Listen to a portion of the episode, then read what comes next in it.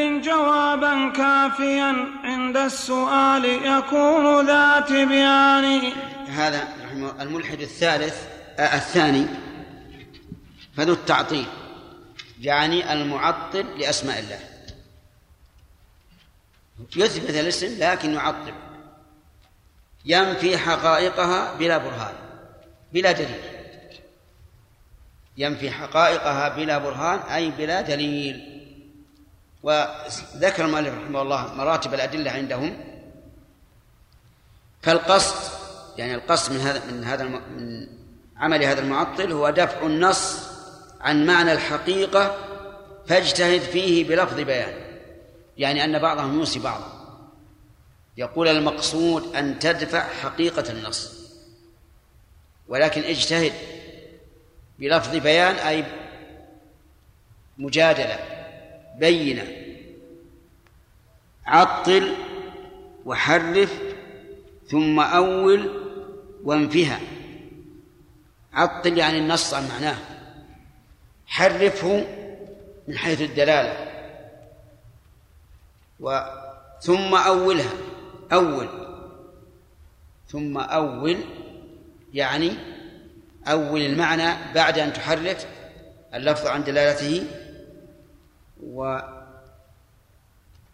ثم أول وانفها هذه النتيجة. فمثلا قول الله تبارك وتعالى بل يداه مبسوطتان. يقول هذا ليس المراد ليس المراد اليد الحقيقية فيعطل اليد ثم يحرف النص ويقول اليد هي القدرة مثلا. ويؤولها يعني يصف المعنى الظاهر إلى معنى آخر خلافه وانفي اليد. وهذه النتيجة. واقذف بتجسيم وبالكفران للمثبتين حقائق الأسماء والأوصاف. يعني اقذفهم بأنهم مجسمة وبأنهم كفار. للمثبتين حقائق الأسماء والأوصاف بالأخبار المتعلق بالمثبتين يعني الذين أثبتوها بالأخبار يعني الأحاديث والقرآن. ولهذا أهل الاعتزال وأهل التعطيل يسمون المثبتين إيش؟ مجسمة. ويقولون من جسم فقد كفر. فيثبتون فيصفونهم بالمجسمة ويحكمون عليهم بالكفر. فإذا هم احتجوا عليك انظر المناظرة إذا هم فإذا هم احتجوا عليك فقل لهم هذا مجاز. يد الله مجاز. والمجاز وضع ثاني لأن الحقيقة هو الوضع الأول وهو وضع ثاني. فإذا غلبت عن المجاز يعني مع ردوا عليك. فإذا قلت مثلا لما خلقت بيدي قالوا لا يمكن أن يكون مراد القدرة والنعمة. لأنه لو قال هكذا لما خلقت بيدي لقال إبليس إيش؟ وأنا يا رب خلقتني بيدك بقدرتك. إذا ردوا عليك فإذا غلبت عن المجاز فقل لهم لا لا يستفاد حقيقة الإيمان حقيقة الإيقان أن وتلك أدلة لفظية. إذا قل إذا عجزت فقل الأدلة اللفظية لا تفيد اليقين. الأدلة اللفظية هذا قواعد عندهم عند الأشعرية وغيرهم. الأدلة اللفظية لا تفيد اليقين. فإذا كانت لا تفيد اليقين فليس لك حجة عليه لأنها تفيد الظن. أنت تظن وأنا أظن خلافك. فقل لهم لا يستفاد حقيقة الإيقان أن يعني كيف يستفاد؟ وتلك أدلة لفظية عزلت عن الإيقان منذ زمان. ولذلك قالوا إن خبر الواحد لا تثبت به العقائد. فإذا تضافرت الأدلة كثرة يعني إذا ردوا عليك وقالوا هذه الأدلة عندنا عشرة أدلة مدلولها واحد تفيد اليقين؟ يقول إذا تضافرت وغلبت عن تقرير ذا ببيان فعليك حينئذ بقانون وضعناه لدفع أدلة القرآن. وأدلة القرآن ولكل نص يعني ولدفع أدلة كل نص ليس يقبل أن يؤول بالمجاز ولا بمعنى ثاني. قل عارض المنقول معقول. الآن وصلوا إلى غايتهم. إذا لم يمكن رد الأدلة لكثرتها ولا يمكن حملها على المجاز فعليك بآخر المرحلة. ما هي؟ عارض المعقول عارض المنقول معقول. يعني تقول هذه الدلالة يعارضها المعقول. العقل يمنع هذا. انتبه. عارض المنقول معقول. وما الأمران عند العقل يتفقان؟ يعني لا يمكن أن يتفق العقل والنقل في قبول هذا. العقل ينكر والنقل يثبت ولا يمكن أن يجتمع مثبت ونافي إذا ما من نقدم؟ هم يرون العقل. واسمع الهندسة التي أتوا بها. ما ثم إلا واحد من أربعة. متقابلات كلها بوزان. إعمال ذيل. يعني العقل والنقل. وعكسه إهمال إلغاء العقل والنقل. أو تلغي المعقول يعني وتعمل بالنقل. هذا لا يمكن. أن تلغي المعقول و و وتبقي المنقول. ما هذا ما هذا بذي إمكان العقل أصل النقل. فإذا ألغيت العقل لزم إلغاء النقل لأن العقل هو أصل النقل. آه العقل أصل النقل وهو أبوه. إن تبطل يبطل فرع التحتاني معلوم؟ لأنك إذا قتلت الأب لا يمكن أن يكون ابن فيقول العقل هو الأصل. فإذا قلت النقل مقدم على الأصل هذا لا يمكن. إذا قلت النقل مقدم على العقل لا يمكن لأن العقل هو الأصل. فتعين الإعمال للمعقول والإلغاء للمنقول بالبرهان. ليش؟ لأن إعماله يفضي إلى إلغائه. إذا أعملت النقل أبطلت العقل. وإذا أبطلت العقل أبطلت النقل. لأن العقل هو الأصل. وحين لأن العقل هو الأصل.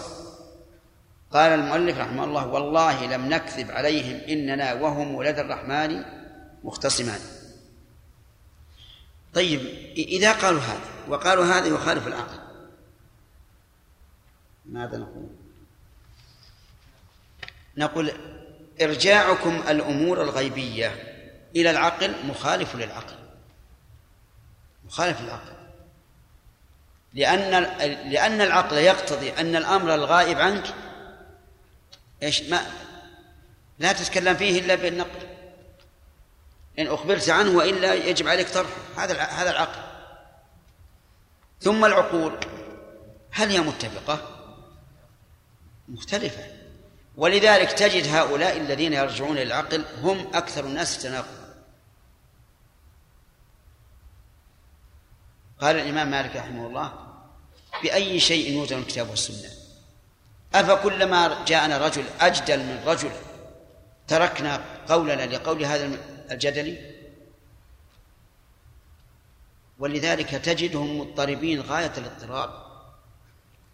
هذا يقول هذا واجب. وذاك يقول هذا ممتنع. والثالث يقول هذا ممكن. إلى أي شيء نرجع؟ فقولهم نرجع للعقل هو في الواقع مخالف للعقل لأن العقل يقتضي أن الأمور الغائبة عنك تستسلم فيها للنقل لأنها غائبة عنك. وبهذا نبطل حجته والله أعلم. بسم الله الرحمن الرحيم. الحمد لله رب العالمين وصلى الله وسلم على نبينا محمد وعلى آله وأصحابه أجمعين. آه، سبق لنا أن أهل التعطيل والإلحاد يقدمون العقل في باب إيش؟ في باب الصفات. فإذا إذا أتتهم النصوص فما هي أول مرتبة يحتجون بها. أول أول ما يقول المجاز. يقول هذا مجاز. طيب. في هذا قالوا إن هذه الدية لا اليقين. لا تفيد اليقين. فإن غلبوا في هذا قالوا إن هذا حرف معقول. إما إما نعملهما جميعا هذا باطل أو تركهما جميعا هذا باطل. أو ترك العقل هذا عندهم باطل. فتبقى القسم عندهم في إبقاء العقل إيه؟ وإبقاء النص لأنه الأصل. لأن الأصل هو العقل. فلو قدمنا النص عليه لقدمنا الفرع على الأصل. وحينئذ أبطلنا الأصل بفرعه. وهذا محال. طيب. ذكرنا أن العقل يقتضي تحكيم النقل في هذا الباب.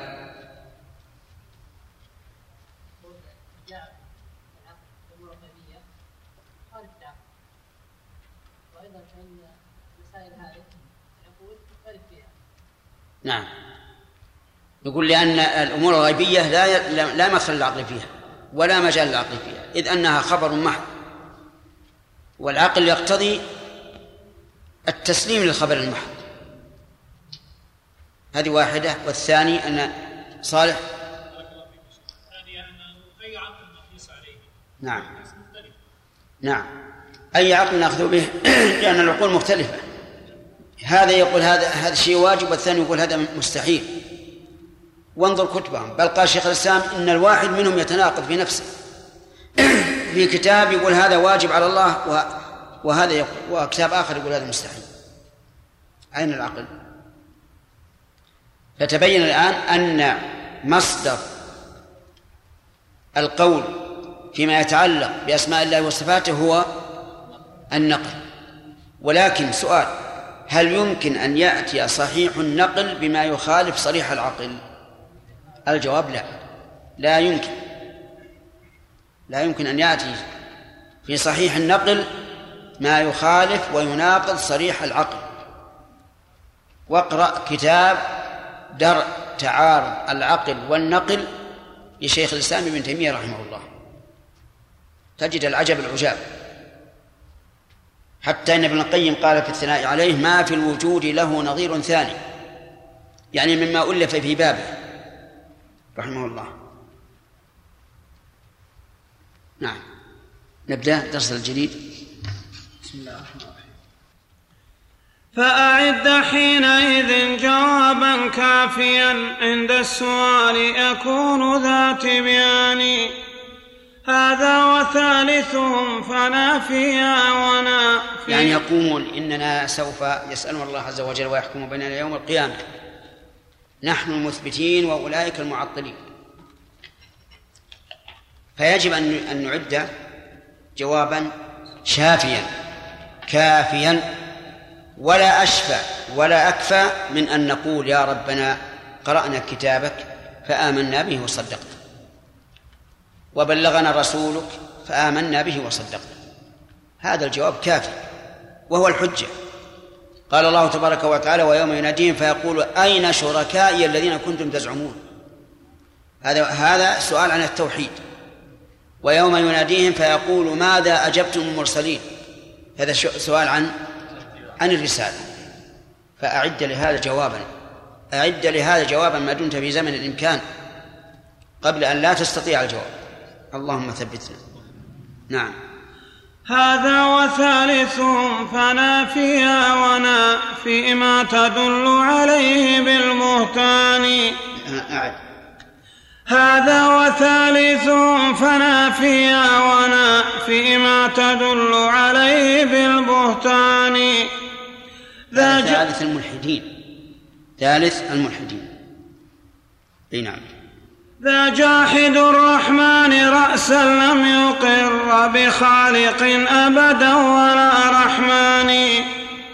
هذا هو الإلحاد فاحذره لعل الله أن ينجيك من نيران. وتفوز بالزلفى لديه وجنة المأوى مع الغفران والرضوان.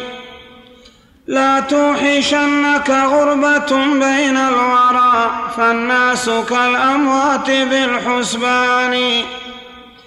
أوما علمت بأن أهل السنة الغرباء حقا عند كل زمان. اللهم اجعلنا منهم. قل لي متى سلم الرسول وصحبه والتابعون لهم على الإحسان. من جاهل ومعاند ومنافق ومحارب بالبغي والطغيان. وتظن أنك وارث لهم وما ذقت الأذى في نصرة الرحمن. كلا ولا جاهدت حق جهادي في الله لا بيد ولا بلسان منتك والله المحال النفس فاستحدث سوى ذا الرأي والحسبان. لو كنت وارثه لآذاك الأولى ورثوا عداه بسائر الألوان. هذا كلام جيد. يقول رحمه الله هذا هو الإلحاد فاحذره لعل الله أن ينجيك من نيرانه يعني إذا حذرته. وتجنبته وآمنت بالله وآياته على ما أراده الله ورسوله عز وجل. وتفوز بالزلفى لديه. هذا معنى قوله تعالى فمن زحزح عن النار وأدخل الجنة فقد فاز. نجا من المرهوب وحصل له المطلوب. وتفوز بالزلفى لديه وجنة المأوى مع الغفران والرضوان. الغفران للذنوب والرضوان بالطاعات. لأن بمغفرة الذنوب تنجو من النار وبرضا وبالرضا بالطاعات تدخل الجنة. لا لا توحشنك غربة بين الوراء. الله أكبر. يعني إذا ظل الناس وأنت على هدى فلا تستوحش. لأن الإنسان حقيقة إذا لم ير معه أحد أحدا ربما يستوحش ويتوقف أو يرجع عن ما هو عليه من الهدى. ولهذا أخبر النبي عليه الصلاة والسلام عن أيام الصبر أن العامل فيهن له أجر خمسين من الصحابة. أجر خمسين من الصحابة.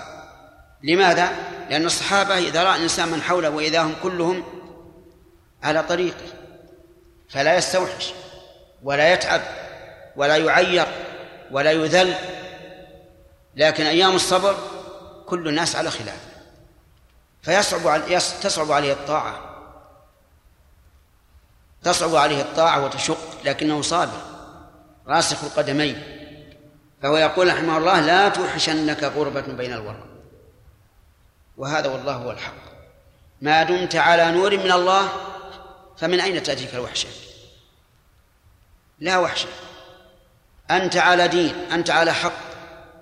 لا يهمنك أحد. إنك ستدفن وحدك وهم يدفنون وحدهم. وستبعث يوم القيامة لا مال ولا بنون. فالناس كالأموات في الحسبان. الناس كالأموات وصاحب الحق. حي. بل إن صاحب الحق حي بعد موته كما قال عز وجل أو من كان ميتا فأحييناه وجعلنا له نورا يمشي به في الناس. كمن مثله في الظلمات ليس بخارج منها. أهل العلم الآن أحيا بيننا. ألسنا كل يوم نقرأ كتاب شيخ الإسلام مثلا؟ هو يعلمنا. هو شيخنا. أستاذنا. حي. وهذا هو الحياة. ولهذا قال الشاعر ذكر الفتى عمره الثاني. ذكر الفتى عمره الثاني. فهم فهذا هذا هذه الحياة في الحقيقة. أما بقاؤك في الدنيا فهي ساعات وأيام تمشي وتمضي. أوما علمت بأن أهل السنة الغرباء حقا؟ الجواب بلى. والله أهل السنة هم الغرباء حقا. أهل الدين هم الغرباء حقا. في كل زمان. ولو تأملت التاريخ لوجدت الأمر كذلك. الخلافات والآراء والعقائد والملل. وتجد صاحب السنة كغر كغرة وجه الفرس. غريب بين الناس. قل لي متى سلم الرسول وصحبه والتابعون لهم على الإحسان؟ الجواب لم يسلم. ما سلم الرسول ولا الصحابة وثلاثة من خلفائه قتلوا على أيدي أعدائه عمر وعثمان وعلي رضي الله عنه كلهم قتلوا على أيدي أعدائه. فما سلم الرسول ولا صحبه من, من الأذى من جاهل ومعاند وهو عالم ومنافق يأخذ بالتقية ومحارب معلن بالعداوة ومحارب بالبغي والعدوان.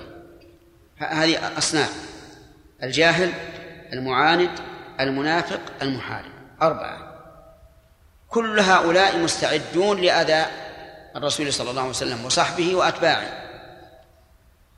وتظن أنك وارث لهم وما ذقت الأذى في نصرة الرحمن. والله هذا ظن ظن خاطئ.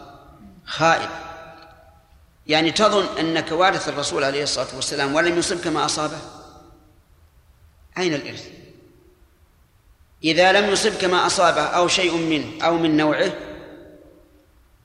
فإنك قاصر في إثر الرسول عليه الصلاة والسلام.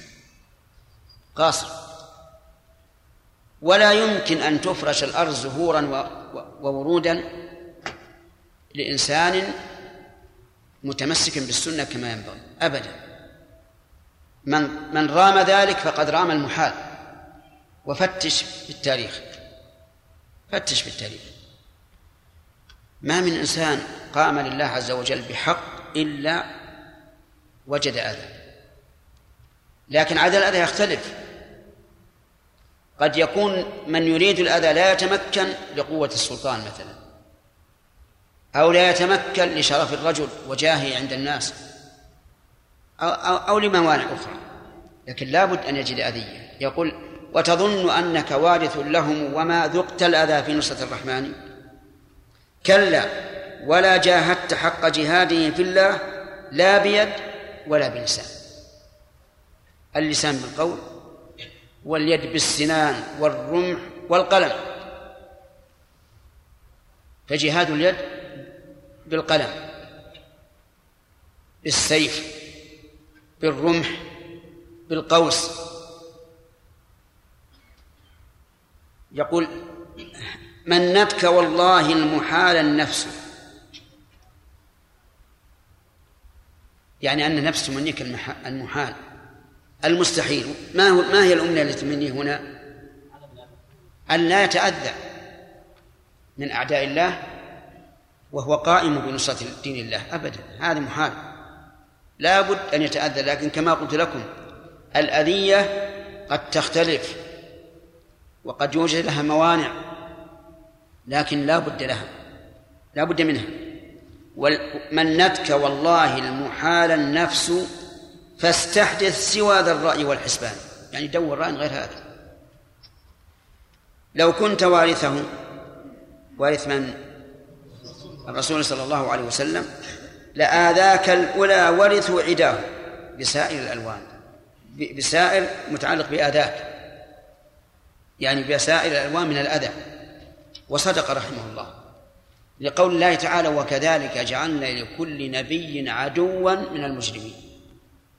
كل نبي له عدو من المجرمين. ولأتباعه إيش؟ عدو من المجرمين لأن هؤلاء المجرمين الذين عادوا الرسول عليه الصلاة والسلام لم يعادوه لأن محمد بن عبد الله عادوه لدينه. فمن تمسك بدينه فقد ورثه. فلا بد أن يكون لأعدائه الذين آذوه إيش؟ وارث. وارث يؤذي ورثة الرسول عليه الصلاة والسلام. وهذا مشاهد. الإمام أحمد ماذا حصل له؟ حصل أذية يجر بالبغلة في الأسواق ويضرب بالسياط حتى يغمى عليه. وحبس شيخ الإسلام كذلك وغيرهم كثير غيرهم كثير. كل من كان أقوى من الله وأصدع بالحق فإنه سيكون أعداؤه أكثر. وإن شئت الدليل فكم من بني آدم يضل؟ تسعمائة وتسع وتسعين بالألف. أتظن هؤلاء ضالون أتظن هؤلاء الضالين يحبون المهتدين؟ أبدا. لا يحبونه. وإن أظهروا المحبة لهم فهو نفاق. كيف تحبه على غير على غير طريقك؟ هذا مستحيل. فالمهم أن هذه الأبيات أنا أرى أن أن تحفظوها مع أني تهاونت معكم كثيرا. وكنا نطالبكم بأن تحفظوا الأبيات كلها. ولكن داهنتم فداهنا الله تبارك نعم. فصل في النوع الثاني من نوع من نوعي توحيد الأنبياء والمرسلين. هذه يحفظوها إن شاء الله. المخالف لتوحيد المعطلين والمشركين. طيب المهم الإلحاد في أسماء الله هو الميل بها عما يجب. هذا الإلحاد في أسماء الله. ويكون بتحريفها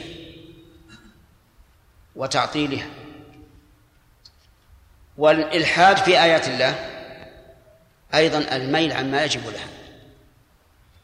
ويكون إما باعتقاد شريك مع الله فيها كخلق السماوات. أو أو باعتقاد منفرد خلق بعض المخلوقات. أو يكون باعتقاد معين لله عز وجل فيها. وهذا يجمعه قول الله تعالى قل ادعوا الذين زعمتم من دون الله لا يملكون مثقال ذرة في السماوات ولا في الأرض. يعني لا يملكون استقلالا استقلالا. وما لهم فيهما من شرك. مشاركة والثالث وما له منهم من ظهير. كل هذه منتفية عن الآلهة. بقي الشفاعة. هل تشفع هذه الآلهة أو لا؟ قال ولا تنفع الشفاعة عندهم إلا لمن أذن له. نعم. هذا وثاني نوعي التوحيد توحيد العبادة منك للرحمن. ألا تكون لغيره عبدا ولا تعبد بغير شريعة الإيمان هذا البيت جمع الإخلاص والمتابعة. الإخلاص بقوله أن لا تكون لغيره عبدا. لا تكون لغير الله عبدا لا لملك ولا لرئيس ولا لأمير ولا لوزير ولا لأب ولا لعم ولا لغيره. بل ولا تكن عبدا لدرهم ولا دينار ولا خميصة ولا خميلة لأن النبي صلى الله عليه وسلم قال تعس عبد الدينار تعس عبد الدرهم تعس عبد الخميصة تعس عبد الخميلة لا تكن عبدا لغير الله عز وجل. ألم تعلموا أن من الناس من يعبد البقر؟ نعم. نعم. لا. نقول بلى. فيهم من يعبد البقر. فيهم من يعبد الشمس. فيهم من يعبد القمر. فيهم من يعبد الفرج. إله الحد والعياذ بالله. لا تكن لغير الله عبدا. تعلق القلب بغير الله. تعلقا يساوي تعلق القلب بالله يعتبر شركا يعتبر شركا. قال الله تعالى ومن الناس من يتخذ من دون الله اندادا يحبونهم كحب الله والذين آمنوا أشد حبا لله. الثانية الإشارة إلى إيش؟ المتابعة في قوله ولا تعبد بغير شريعة الإيمان. لا تعبد بغير شريعة الإيمان مع أن العبادة بغير شريعة الإيمان نوع من الشرك. فإن الله يقول اتخذوا أحبارهم ورهبانهم أربابا من دون الله لأنهم يشرعون لهم فيتبعونهم نعم. فتقوم بالإسلام والإيمان والإحسان في سر وفي إعلان والصدق والإخلاص ركنا ذلك ركنا ذلك. ركنا اثنين. والصدق والإخلاص ركنا ذلك التوحيد كالركنين للبنيان. وحقيقة الإخلاص توحيد المراد فلا يزاحمه مراد ثاني. لكن مراد العبد يبقى واحدا ما فيه تفريق لدى الإنسان. إن كان ربك واحدا سبحانه فاخصصه بالتوحيد مع إحسان أو النسخ عندكم كلها. إن ولا إذ؟ يصلح. يعني إذا كنت تعتقد أن ربك واحد فالواجب أن أن تخصه بالتوحيد والإحسان. وإذا قلنا إذ كان ربك فالمعنى أنه كالتعليل. نعم.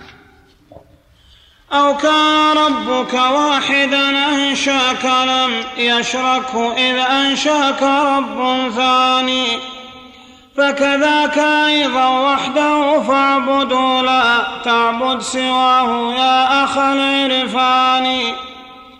والصدق توحيد الإرادة وهو بذل الجاد لا كسلا ولا متواني والسنة المثلى لسالكها فتوحيد الطريق الأعظم السلطان. ذكر الإخلاص والصدق والمتابعة. الإخلاص أن لا تجمع الله شريكا. الصدق أن تكون جادا جادا في العمل لا تكن كسلان ولا متوال. ولهذا قال النبي صلى الله عليه وسلم الكيس من دان نفسه وعمل لما بعد الموت والعاجز من أتبع نفسه هواها وتمنى على الله الأماني وقال صلى الله عليه وعلى آله وسلم المؤمن القوي خير وأحب إلى الله من المؤمن الضعيف. وفي كل خير احرص على ما ينفع واستعن بالله ولا تعجز. أما الثالث اللي هو توحيد الاتباع فتوحيد الطريق الأعظم السلطاني. ما هو الطريق الأعظم السلطاني؟ هو الإسلام. طريق الله عز وجل الموصل إلى الله لأن الطرق التي سوى سوى الطريق الأعظم كلها ضلالات. قال الله تعالى وأن هذا صراطي مستقيما فاتبعوه. وإيش؟ ولا تتبعوا السبل فتفرق بكم عن سبيله نعم. فلواحد. فلواحد كن واحدا في واحد أعني سبيل الحق والإيمان. هذه ثلاث مسعدات للذي قد نالها والفضل للمنان. فإذا هي اجتمعت واحد. هذا الإخلاص. كن واحدا الجد والاجتهاد.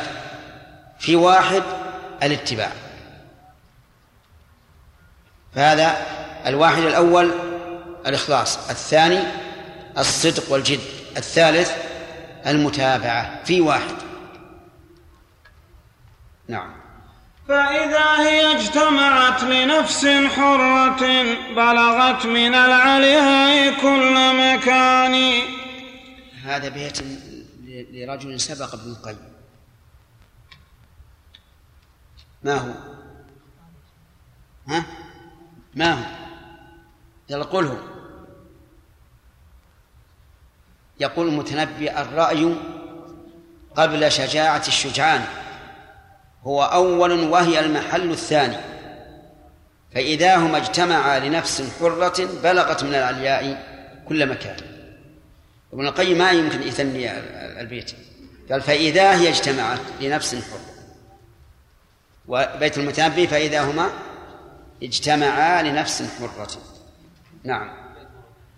نعم هذا. البيت يقول الرأي قبل شجاعة الشجعان.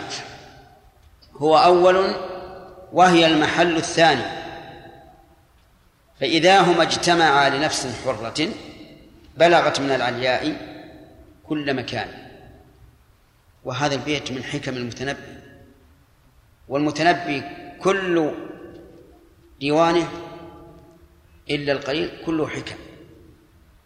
حكم عظيمة جدا. ومنه ما أنشدناه شيخنا رحمه الله حيث قال ووضع الندى في موضع السيف بالعلا مضر كوضع السيف في موضع الندى. هذا معلوم؟ ها؟ ووضع الندى في موضع السيف بالعلا مضر. الندى العطاء في موضع السيف مضر بالعلا. لأن موضع السيف يجب أن يكون فيه السيف كوضع السيف في موضع الندى. إنسان جاي يستجديك ولا ولم يأتي منه خطيئة فتضرب عنقه ما صحيح. نعم. لله قلب شام هاتيك البروق من الخيام فهم بالطيران. والله هذا القلب. لولا التعلل بالرجاء تصدعت أحشاؤه كتصدع البنيان وتراه يبسطه الرجاء فينثني متمايلا كتمايل النشوان. ويعود يقبض الإياس لكوني متخلفا عن رفقة الإحسان. فتراه بين القبض والبسط اللذان لأفق سمائه قطبان. وبدا له سعد السعود فصار مسراه عليه لا على الدبران. لله ذياك الفريق فإنهم خصوا بخالصة من الرحمن. شدت ركائبهم إلى معبودهم ورسوله يا خيبة الكسلان. هذه أيضا أبيات ينبغي أن الإنسان يحفظها ويذكر بها نفسه. لله قلب شام هاتئك البروق من الخيام فهم بالطيران شامها أي نظرها. أي نظرها. ومنه قول الشاعر أقول لعبد الله لما سقاؤنا ونحن بوادي عبد شمس وهاشم. وهذا فيه لوز أيضا. في قوله وهاشم. لأن أصله وها يعني ضعف. يعني لما س... لما وها سقاؤنا وضعف ولم يكن فيه ماء. أقول له شم. شم يعني انظر إلى البرق لأن البرق يكون فيه الرعد والمطر. المهم يقول لله قلب شام أي نظرها. شام هاتيك البروق من الخيام فهم بالطيران. لولا التعلل بالرجاء تصدعت أحشاؤه كتصدع البنيان. صحيح. يعني لولا أن الإنسان ونحن قاصرون يرجو يرجو الله عز وجل العفو عن التفريط في الطاعات والغفران للسيئات لولاه لتصدعت الأحشاء. وهلك الإنسان. وت وتراه يبسطه الرجاء, فينثني متمايلا كتمايل النشوان. يعني افرض أنك عملت عمل صالح ورجوت أن الله يقبل. ألا تفرح؟ تفرح. سواء تمايلت حسا أو معنى كتمايل النشوان. الله أكبر.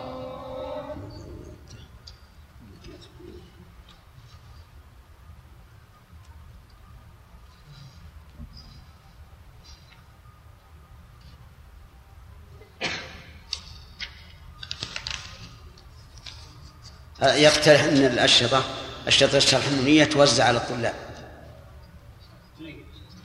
وما يحتاج اسالكم على طول.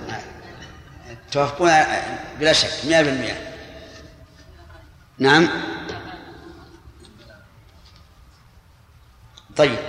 آه الآن يقول يبسطه الرجاء فينثني متمايلا كتمايل النشوان ويعود يقبضه الإياس. يعني يرجع إلى الخوف واليأس. لا لا من قبل الله عز وجل فإن الله أهل الكرم لكن من قبل العبد لكونه متخلفا عن رفقة الإحسان. يعني ليس من القوم الذين جدوا واجتهدوا ونشطوا.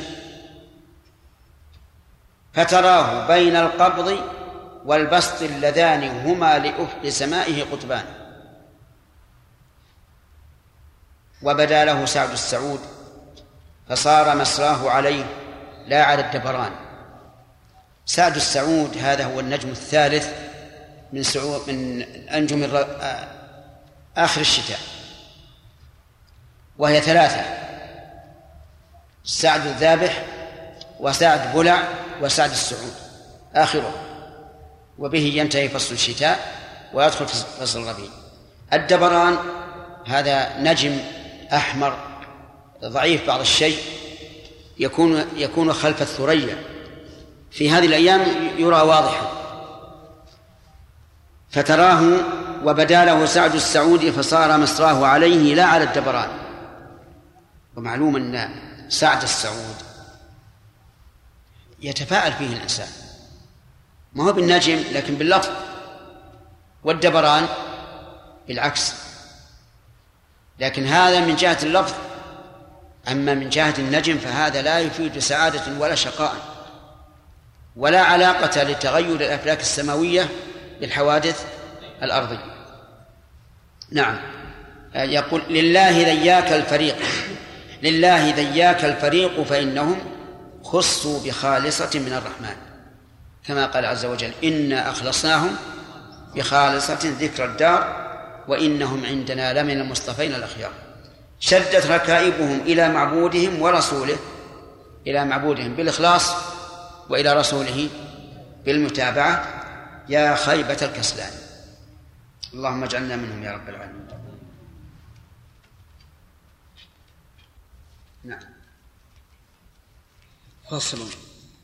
والشرك فاحذروا فشرك ظاهر ذا القسم ليس بقابل الغفران. وهو اتخاذ الند للرحمن أيا كان من حجر ومن إنسان. يدعوه أو يرجوه ثم يخافه ويحبه كمحبة الديان.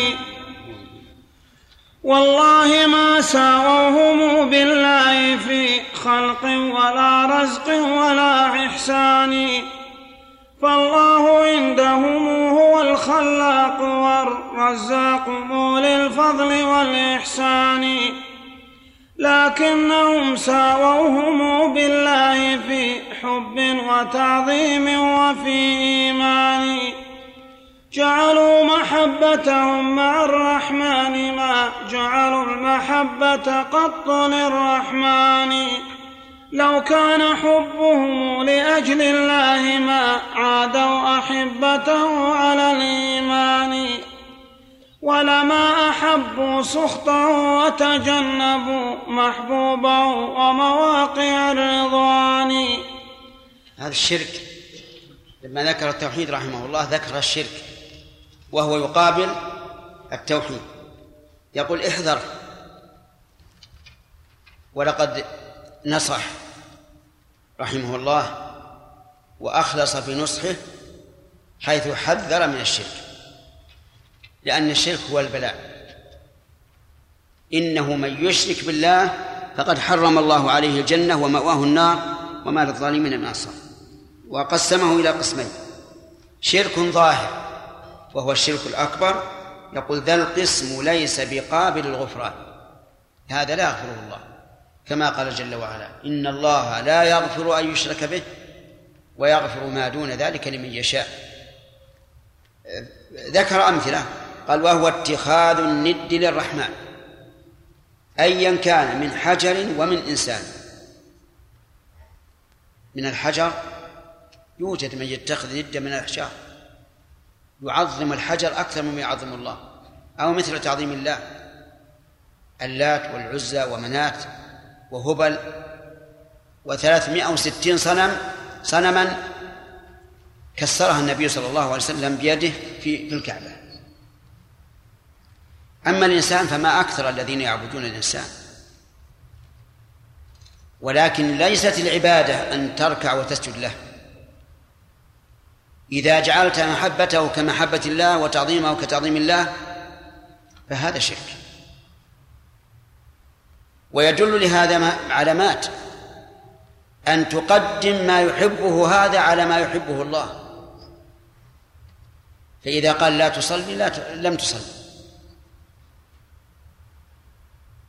وإذا أمرك بشيء من معصية الله أطعته. وإذا نهاك عن شيء مما يحبه الله تركته. هذا شرك. يقول وهو يدعوه أو يرجوه. ثم يخاف ويحبه كمحبة الديان. هذا يوجد يا إخواني من أناس يحبون المخلوق كمحبة الله عز وجل. أو أشد. طيب. والله ما سووهم بالله في خلق ولا رزق ولا إحسان. يعني هؤلاء لا يقولون إن إن هؤلاء يخلقون كما يخلق الله أو يرزقون كما يرزق الله. لا. فالله عندهم هو الخلاق والرزاق مولي الفضل والإحسان لكنهم سووهم بالله في حب وتعظيم. بل قد يكون أشد. تجد الواحد يقوم يصلي بين يدي الله ولكنه حركات قلبية وحركات بصرية وحركات سمعية وحركات جوارح. أليس كذلك؟ موجود هذا. حركات قلبية في كل واد. حركات بصرية كل من مر أتبع بصره إياه. حركات سمعية إذا سمع كلاما قام ينصت. بسمع وش يقولون؟ سمع أغنية أنصت له ويصلي. نسأل الله العافية. هذا موجود.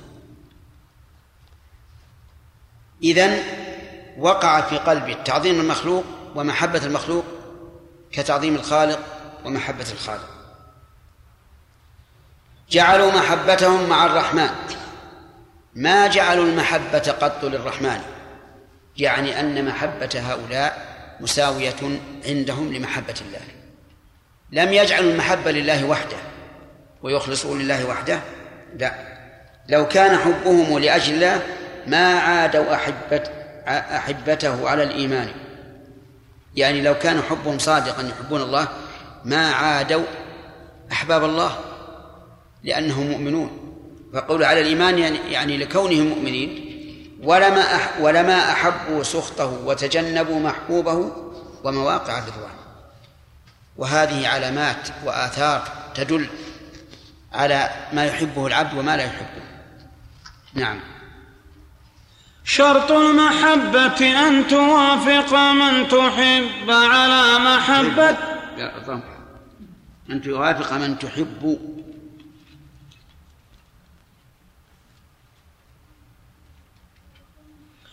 شرط المحبة أن توافق من تحب على محبته بلا عصيان فإذا ادعيت له المحبة مع خلافك ما يحب فأنت ذو بهتان. أتحب أعداء الحبيب وتدعي حبا له ما ذاك في إمكاني وكذا تعادي جاهدا أحبابه أين المحبة يا أخ الشيطان؟ صحيح هذه من أكبر علامات المحبة. أن توافق من تحب على محبته بلا عصيان. لو قال الإنسان أنا والله أحب فلان وأجله وأعظمه وإذا أمره بشيء خالفه هل هو صادق؟ غير صادق. إن الذي يحب أحدا يوافقه حتى وإن لم يأمره. يعني تجد بعض الناس مع من يحبون يقتدون بهم بأفعالهم. وأخلاقهم حتى وإن لم يأمروهم بذلك لموافقة الطباع. فإذا ادعيت له المحبة مع خلافك ما يحب فأنت ذو بهتان. أي ذو كذب.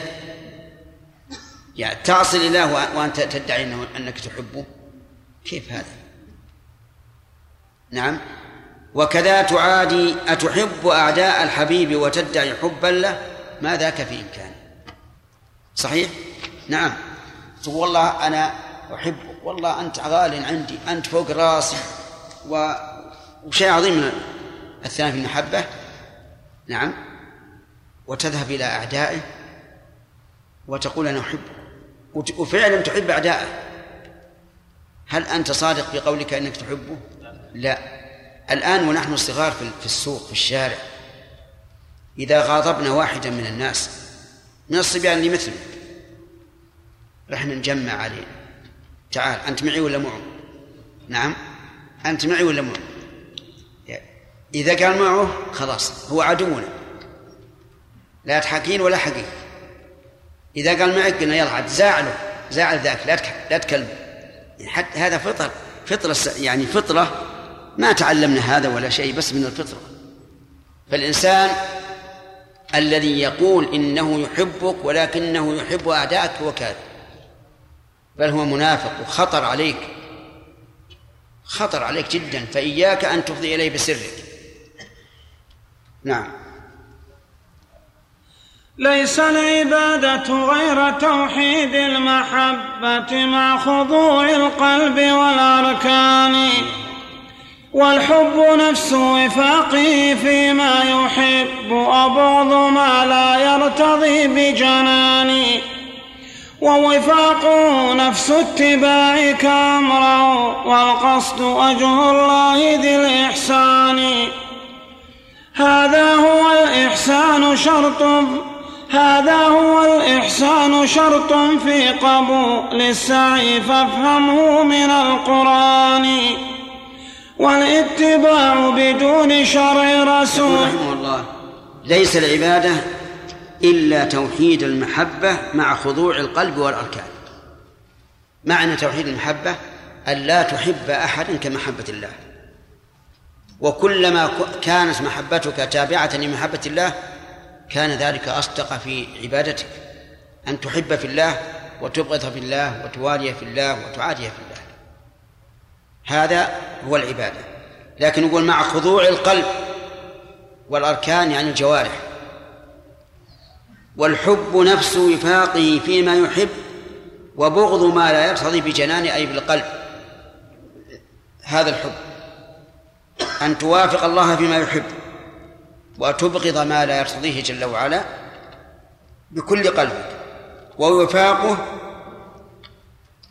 لما قال حب نفس وفاقه قال ويفاق ويفاقه ويفاقه نفس اتباعك أمره هذا واحد. الثاني والقصد وجه الله بالإحسان فاتباع الأمر هو اتباع الشر.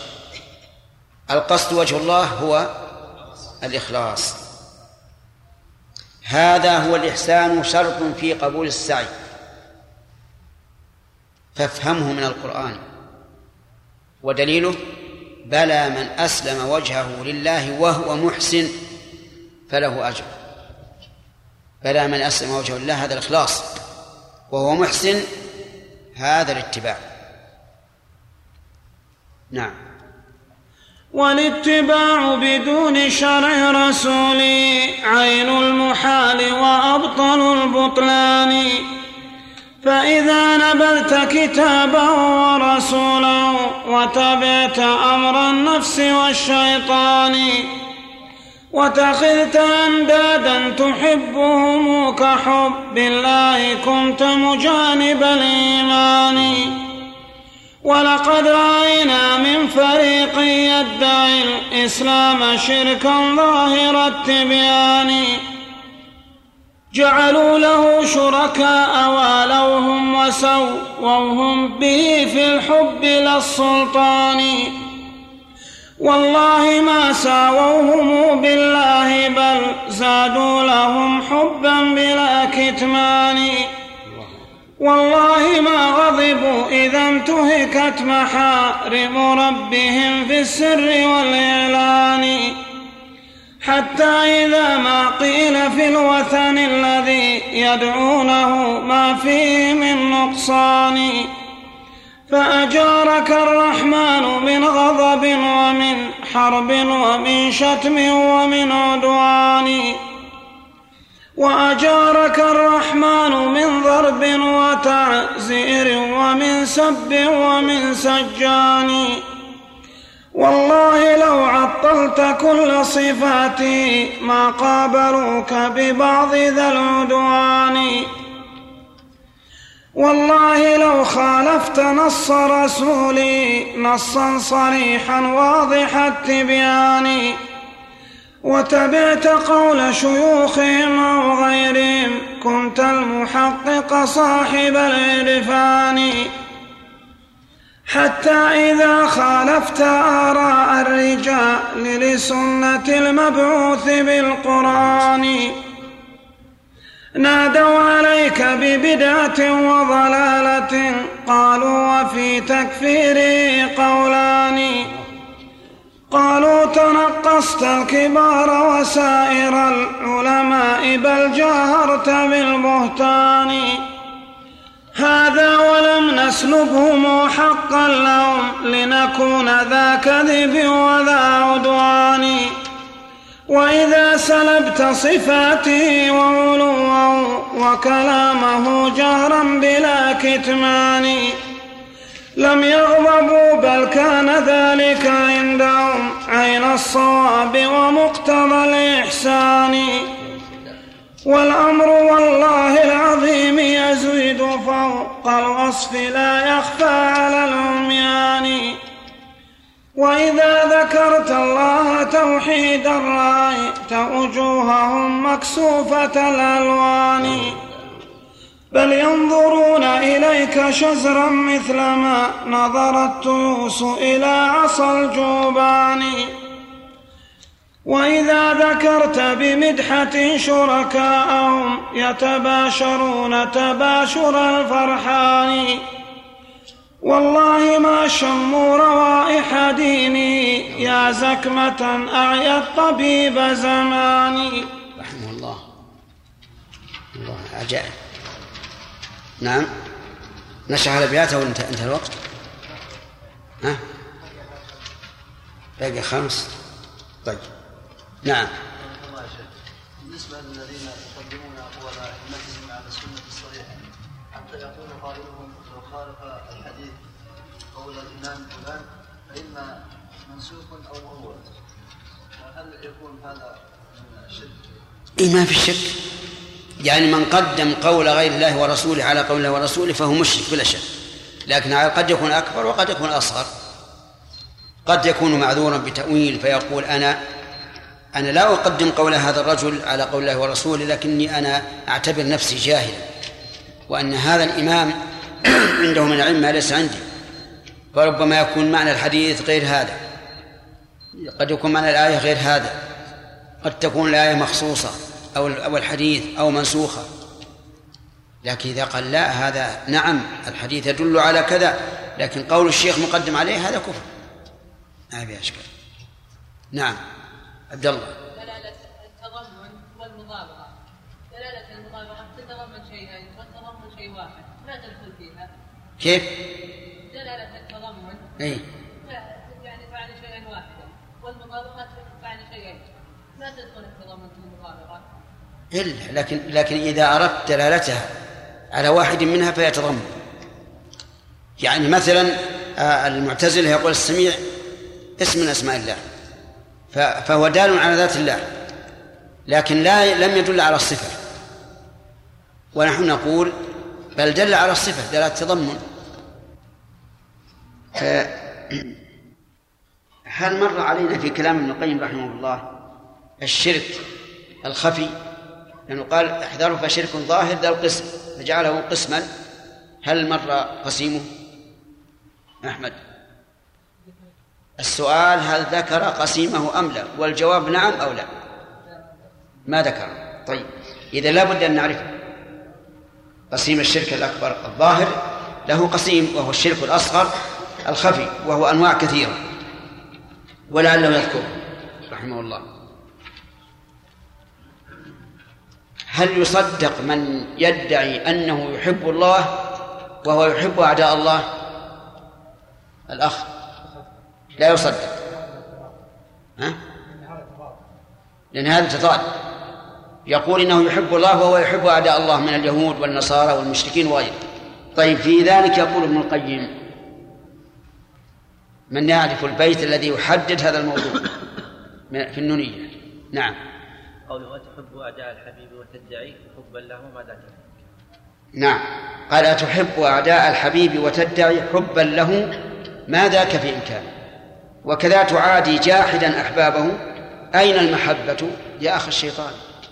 فالذي يعادي أحباب الله ويقول إنه يحب الله نقول كذبت. والذي يقول إنه يحب الله ولكن يحب أعداء الله نقول كذبت. هذا لا يمكن. وهذا شيء مشاهد فيما يتعامل به الناس فيما بينهم. تجد الرجل إذا كان يكره شخصا ووجد إنسانا يواليه ينتقم. كيف توالي فلان وهو عدوي؟ وتقول إنك تحبه. ما هو صحيح هذا. طيب الظاهر أن الباقي ما فيه مناقشة لأنه واضح. نبدأ. بسم الله الرحمن الرحيم.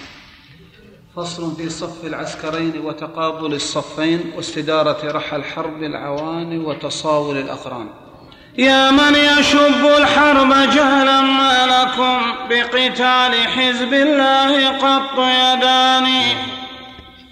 أنا يقاوم جندكم لجنودهم وهم الهداة وعسكر القرآن.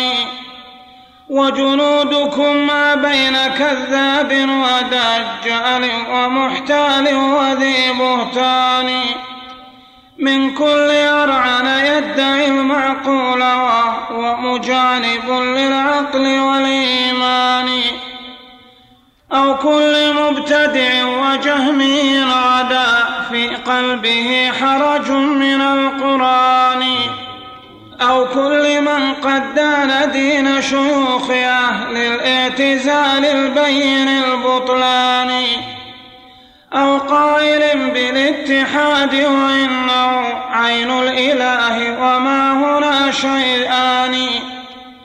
أو من غدا في دينه متحيرا أتباع كل ملدد حيران. المؤلف رحمه الله عقد هذا الفصل ليبين الجنود والأحزاب. الجنود والأحزاب نوعان جند الله وحزبه وجند الشيطان وحزبه. فذكر رحمه الله أن جنود الشيطان وأحزاب الشيطان ما بين كذاب ودجال ومحتال وذي بهتان ومعناها متقارب. الدجال المموه الذي يموه على الناس ويدعي أنه على حق ويأتي بالشبهات. والمحتال ذو الحيلة الذي يتحين الفرص حتى إذا حانت له الفرصة تكلم وإذا لم يجد مقالا سكت وداه. من كل أرعن الأرعن الجبان المخذول. يدعي المعقول وهو مجانب للعقل وسبق لنا بيان هذا أن أولئك الأشعرية والمعتزلة والجهمية وأشباههم يرجعون في باب أسماء الله وصفاته إلى العقل. وبينا أن رجوعهم إلى العقل مخالف للعقل. لماذا؟ لأن العقل يقتضي أن الأمور الغيبية يجب الاستسلام يجب الاستسلام فيها للنقل ولا يتعرض الإنسان لأن أمور غائبة. كيف تحكم العقل؟ هذا واحد. ثانيا إلى أي عقل نرجع. وأصحاب العقل الذين يدعون العقل كلهم متنازعون. يضلل بعضهم بعضا ويقول هذا إن هذا العقل إن هذا الحكم يوجبه العقل والثاني يقول إن هذا الحكم إيش؟ يمنعه العقل. بل إنهم في بل إن الواحد منهم يتناقض في مؤلفاته فتجده يؤلف مؤلفا يقول العقل يوجب أن يكون الله كذا. وفي مؤلف آخر يقول العقل يمنع أن يكون الله كذا وكذا. وإذا أردت أن تطلع على هذا كما قلنا لك راجع كتب المناقشات في هذا الباب ككتب الشيخ الإسلام ابن تيمية رحمه الله. يتبين لك. والإمام مالك رحمه الله يقول بأي عقل يوزن الكتاب والسنة؟ أفكلما جاءنا رجل أجدل من رجل تركنا قوله وتركنا الكتاب والسنة من أجل قوله؟ هذا هذا لا يمكن. إذن يقول من كل أرعن يدعي المعقول وهو إيش؟ مجانب للعقل والإيمان. أو كل مبتدع وجهمي غدا في قلبه حرج من القرآن. أعوذ بالله. ضيق من القرآن. لا سيما في أسماء الله وصفاته. حتى إنهم في وقت من الأوقات كتبوا على كسوة الكعبة ليس كمثله شيء وهو العزيز الحكيم. لماذا؟ لأن السميع البصير لا, لا يريدونه لأنها تثبت السمع وتثبت البصر وهم ينكرون ذلك. وأهم شيء أنهم حرفوا القرآن.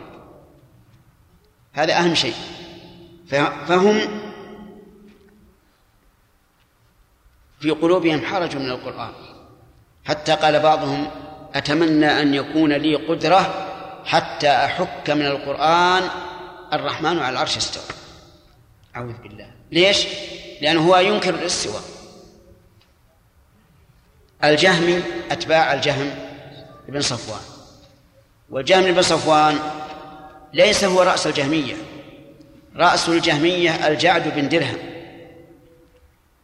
لكن الجعد بن درهم لم يكن لقوله انتشار ولكنه أسس القاعدة. وقال إن الله لم يتخذ إبراهيم خليلا ولم يكلم موسى تكليما. فبدأ بنفي هاتين الصفتين المحبة والكلام. ومعلوم إذا إذا انتفت هاتان الصفتان بطل الشر.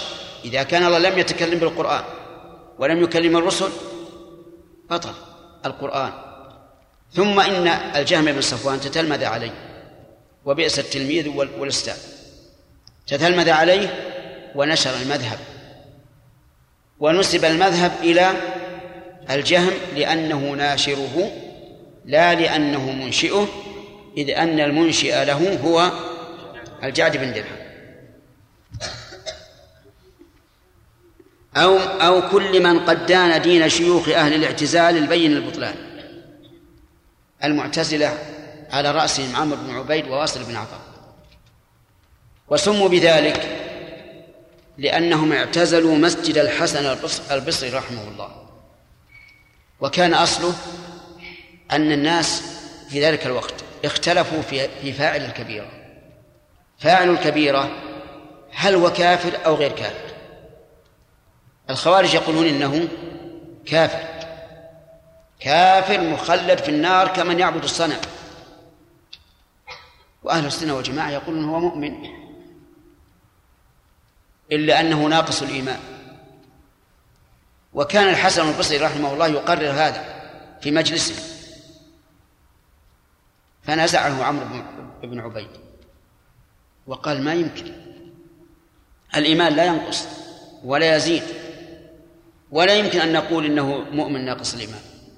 لكن نقول إنه في منزلة بين منزلتين.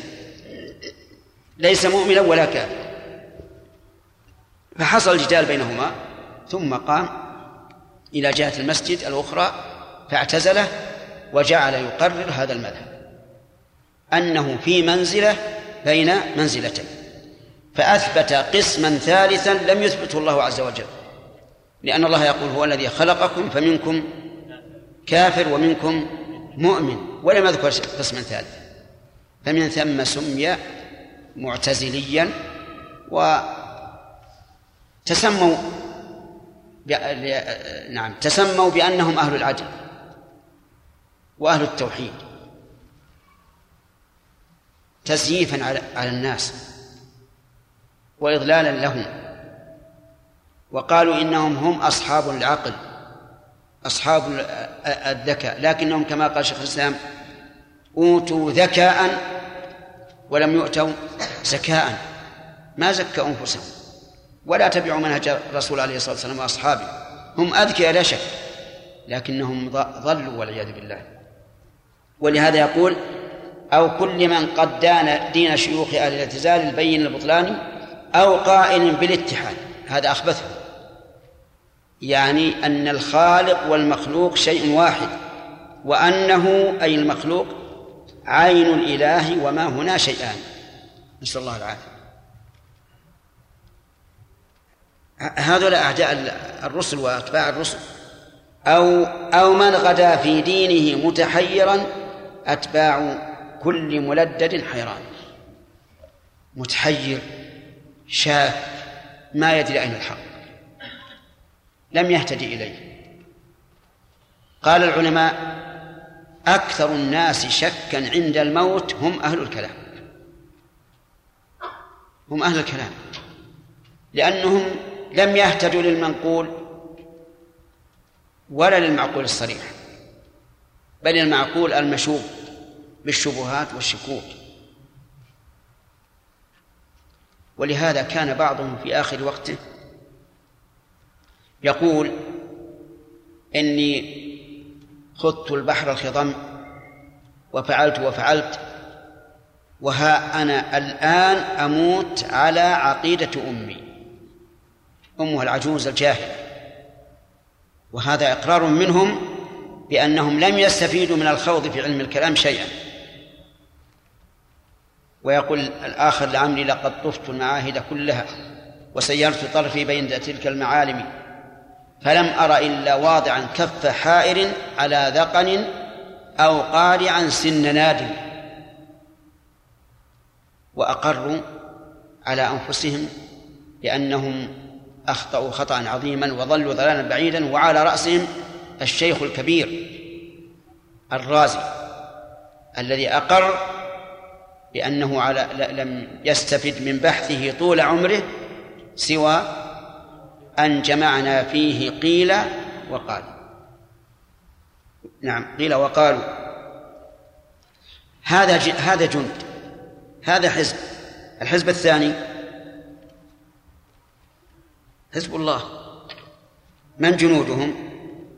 اقرأ. وجنودهم جبريل مع ميكال مع باقي الملائك ناصر القرآن. وجميع رسل الله من نوح إلى خير الورى المبعوث من أدنان. فالقلب خمسة أولو العزم الأولى في سورة الشورى أتوا ببيان.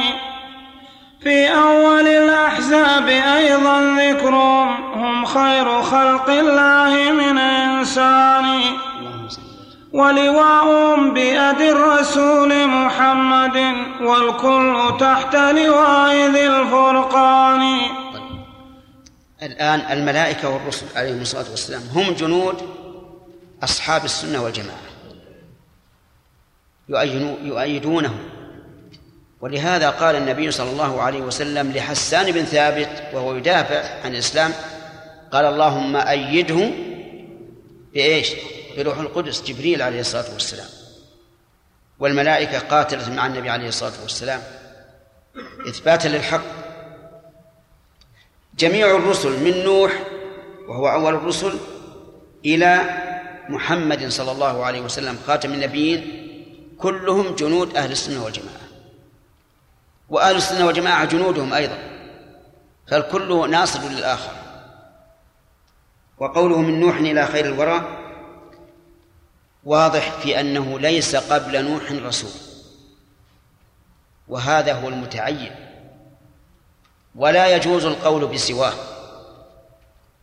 ومن قال إن إدريس أو شيث أو ما أشبه ذلك من الأقوال قبل نوح فقد ضل. لأن الله يقول إنا أوحينا إلى نوح إنا أوحينا إليك كما أوحينا إلى نوح والنبيين من بعده. إلى نوح والنبيين من بعده. لو كان قبل نوح أحد لقال إلى فلان والنبيين من بعده. لكن ليس قبله أحد. ثم إن الله قال أيضا ولقد أرسلنا نوحا وإبراهيم وجعلنا في ذريتهما النبوة والكتاب. وعلى هذا فلا نبوة ولا كتاب قبل نوح. والمراد بالنبوة هنا نبوة الرسالة. وفي الحديث الصحيح أن الناس يأتون إلى نوح يوم القيامة لطلب الشفاعة فيقولون إيش؟ أنت أول رسول أرسله الله إلى أهل الأرض. وهذا صريح. فمن عقيدتنا الواجب على كل مسلم أن يعتقدها أن نوحا هو أول الرسل. وأنه لا رسول قبله. أما النبوة فنعم ثبتت لآدم كما جاء في الحديث الصحيح الذي صححه جماعة من العلماء أن آدم نبي مكلم لكنه لم يرسل. ليه؟ لأن الناس كانوا قليلين ولا يفتنهم شيء ولم يقع بينهم خلاف. فبمجرد ما يشاهدون آدم يتعبد الله بعباده يتعبدون الله بها. ولهذا قال الله عز وجل كان الناس أمة واحدة. إيش؟ فبعث الله النبيين مبشرين ومنذرين وأنزل معهم الكتاب ليحكم بين الناس بالحق ليحكم بين الناس بما اختلفوا فيه. وقد قرأ بعض السلف كان الناس أمة واحدة فاختلفوا. وهذه القراءة يقول يدل عليها قوله ليحكم بين الناس فيما اختلفوا فيه. طيب أولهم نوح آخرهم يقول آه، من نوح إلى خير الورى يعني الخلق المبعوث من عدنان وهو محمد رسول الله صلى الله عليه وعلى آله وسلم وأسأل الله أن يجعلني وإياكم من أتباعه ويحشرنا تحت لوائه اللهم صل وسلم عليه. فالقلب خمستهم أولو العزم الأولى. القلب يعني قلب الرسل. خمسته نوح إبراهيم موسى عيسى محمد صلى الله عليه وسلم. أولو العزم الأولى يعني الذين في سورة الشورى أتوا ببيان. اقرأ علينا الآية. قوله تعالى شرع لكم من الدين. نعم.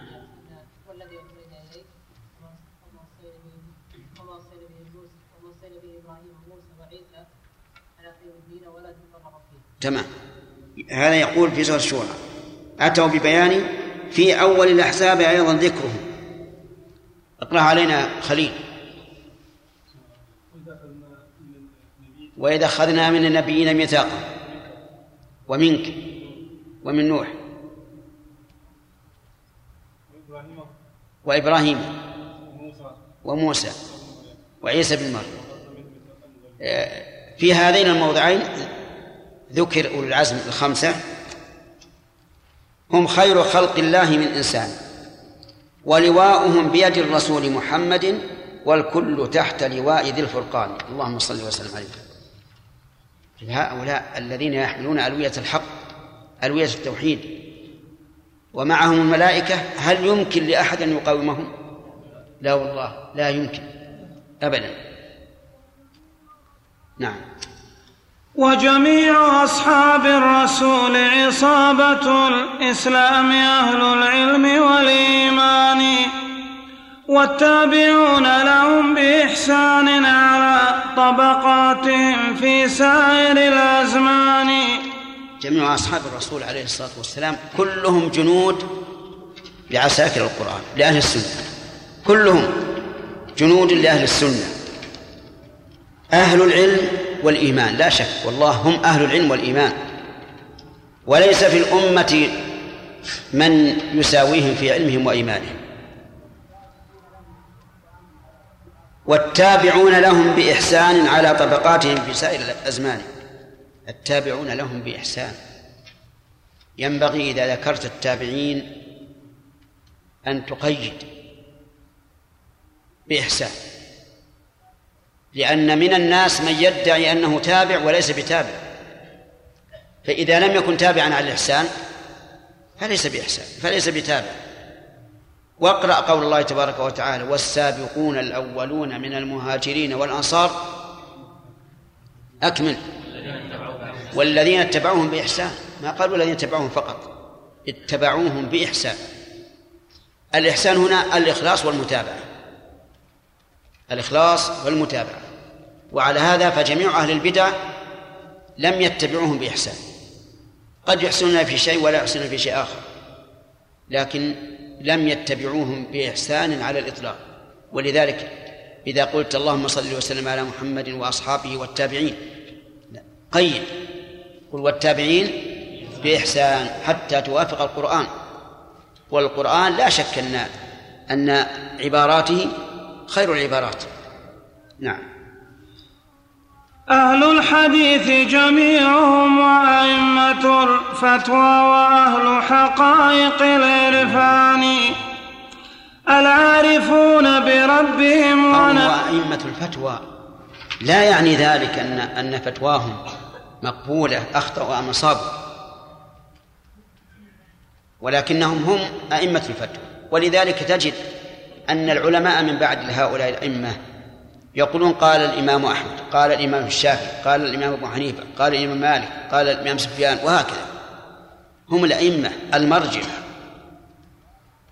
لكن مع ذلك لا يعتقدون العصمة في أئمتهم أهل السنة بخلاف الرافضة. الرافضة يدعون أن أئمتهم معصومون حتى إن زعيمهم يقول إن من أصول عقيدتنا أن لأئمتنا منزلة لا ينالها ملك مقرب ولا نبي مرسل وأنهم معصومون من كل خطأ. أين هذا؟ إذا كان أئمة المسلمين المشهود لهم بالصلاح والعلم والإيمان لا يعصمون من الخطأ فمن فمن بعدهم فمن دونهم بمراتب لا يعصم من الخطأ. كل يخطئ. إلا من عصمه الله كالرسل فيما يبلغون به عن الله. نعم. العارفون بربهم ونبيهم ومراتب الأعمال في الرجحان. صوفية سن العارفون بربهم ونبيهم وبمراتب الأعمال الأعمال في الرجحان يعرفون الراجح من المرجوح.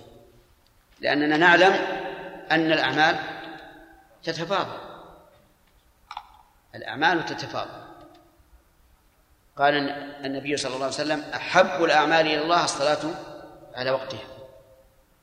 والنصوص في هذا كثيرة في القرآن والسنة تدل على تفاضل الأعمال وتفاضل العامل أيضا. صوفية سنية نبوية ليسوا أولي شطح ولا هذيان. قول الصوفية سنية. هل يمكن أن تكون الصوفية سنية؟ نعم. لأن الصوفية مبنياها على الزهد على الزهد في الدنيا وترك ما لا ينفع في الآخرة. وهذا هو السبب أنهم سموا صوفية لأنهم لا يلبسون إلا الصوف. وليست من الصفاء كما يدعي بعضهم. لو كانت من الصفا لقالوا لكان النسبة صفوية. ولكنها من الصوف. وكانوا كان أولهم لزهدهم. لا يلبس الكتان ولا الألبسة الجميلة لكن يقتصر على الصوف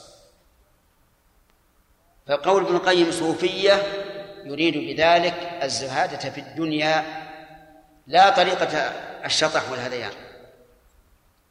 وكان ابن القيم رحمه الله أول أمره كان من الصوفية. كان من الصوفية رحمه الله. حتى قيض الله له. هذا الإمام العظيم. أحمد بن تيمية رحمه الله. فلازمه فهداه فهداه الله على يده. وقد ذكر ذلك رحمه الله في نفس القصيدة هذه أن الله تعالى من عليه بشيخ أتى من أرض حران فهداه الله به. وإلا لكاد يهلك مع الصوفي نعم. هذا كلامهم لدينا حاضر من غير ما كذب ولا كتمان. فاقبل حوالة من أحال عليهم هم أملياء. فاقبل حوالة من أحال عليهم هم أملياؤهم أولو إمكان. نعم. والله أملياء. إذا أحالنا على كلام هؤلاء الأئمة فقد أحالنا على على ملي وفي. أي نعم. فإذا بعثنا غارة من أخريات العسكر المنصور بالقرآن. طحنتكم طحن الرحال الحب حتى صرتم كالبعر في القيان. الله عجيب تصور هذا. يعني يقول إذا بعثنا غارة ما هو من مقدمات الجيش؟ من أخريات الجيش. وعادة أن المقدم الجيوش أقوى وأشجع. لكن ما نعطيكم من مقدمات الجيش؟ نبعث غارة من أخريات الجيش. نعم. طحنتكم طحن الرحال الرحال الحب. وش يصيرون؟ دقيق. يكونون دقيق. حتى لكنه مثل أبلغ من الدقيق حتى صرتم كالبعض في القيعان. بعض إيش؟ روث الإبل في القيعان. ما له قيمة. الله هكذا الشجاعة. نعم. أنا يقاوم ذا العساكر طمطم أو تنكلوشا أو أخو اليوناني. أعني أرسطو عابد الأوثان أو ذاك الكفور معلم الألحان. ذاك المعلم أولا للحرف والثاني لصوت بئسة العلمان. هذا أساس الفسق والحرف الذي وضعوا أساس الكفر والأذان. أو ذلك المخدوع حامل راية الإلحاد ذاك خليفة الشيطان. عن ابن سينا ذلك المحلول من أديان أهل الأرض ذا الكفران. هذا ابن سينا الآن معظم عند كثير من الناس. وربما يسمون المدارس باسمه لأنه طبيب ولم يراعوا أنه كافر. ويقول ابن القيم كذلك شيخ رحمه الله يصرحون بأنه كافر قائد الكفر أيضا. ولذلك لا يجوز أن نرفع من شأن هؤلاء. نحن أمة مسلمة نرفع شأن من؟ شأن من كان إماما في الدين. أما من كان إماما في الكفر فإنه تحت أقدامنا ولو كان عنده من علم الطب أو الصناعة ما عنده. هذا هو الواجب. ولهذا يقول أعني ابن سينا ذلك المحلول من أديان من أديان أهل الأرض ذا الكفران. تنبهوا يا أخوان. تنبه. لا يغرنكم من يقدس أمثال هؤلاء وهم أئمة الكفر الذين قادوا الأمة الإسلامية إلى الهاوية. وماذا يغني طب الأبدان إذا ماتت القلوب؟ إيش يغني؟ لا يغني شيئا والله. إن طب الأبدان وصلاح المجتمع في صلاح القلب وفي حياة القلب. أما إذا مات القلب أو مرض فماذا ينفع؟ فماذا تنفع صحة الجسم؟ نعم. وكذا نصير الشرك في أتباع أعداء رسل الله والإيمان. نصروا الضلالة من سفات رئيم وغزوا جيوش الدين والقرآن. فجرى على الإسلام منهم محنة لم تجر قط بسالك نصير الشرك يريد بذلك من يسمى نصير الدين الطوسي. هذا الخبيث الذي جرى على الإسلام منه أعظم محنة. وسيصور المؤلف رحمه الله بعضا منها أيضا وليس كلها وسقطت الخلافة العباسية على على يده وأوغل التتار في في القتل في المسلمين وهتك الأعراض وما أشبه ذلك. اللهم نعم. فجرى على الإسلام منهم محنة لم تجر قط بسالف الأزمان. أو جعد أو جهم وأتباع له هم أمة التعطيل والبهتان. أو حفص أو بشر أو النظام ذاك مقدم الفساق والمجان. والجعفران كذاك شيطان ويدعى الطاق لا حييت من شيطان. وكذلك الشحام والعلاف والنجار أهل الجهل بالقرآن. والله ما في القوم شخص رافع بالوحي رأسا بل برأي فلان. طيب هؤلاء أئمة الكفر أو الفسق نريد أن نوزعهم عليكم. كل واحد يأتي لنا بترجمة شخص أمستعدون لذلك؟ طيب. الليلة الخميس.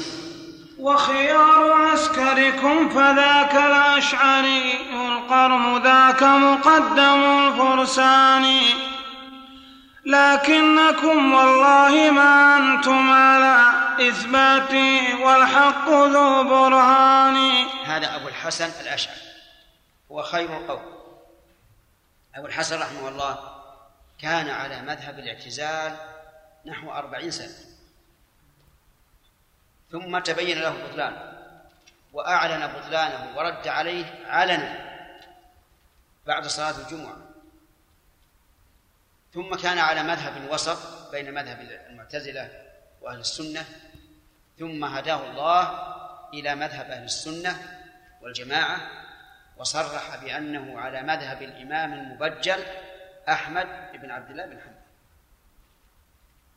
ولكن قومه الذين انتسبوا إليه بقوا في مذهبه الذي هو دون الاعتزال ولكنه لم يبلغ إلى مذهب أهل السنة والجماعة. هو قال. هو قال إن الله فوق العرش واستولى مقالة كل ذي بهتان. في الأشاعرة الآن ما يقولون الله استوى على العرش والإمام الذي ينتسبون إليه يقول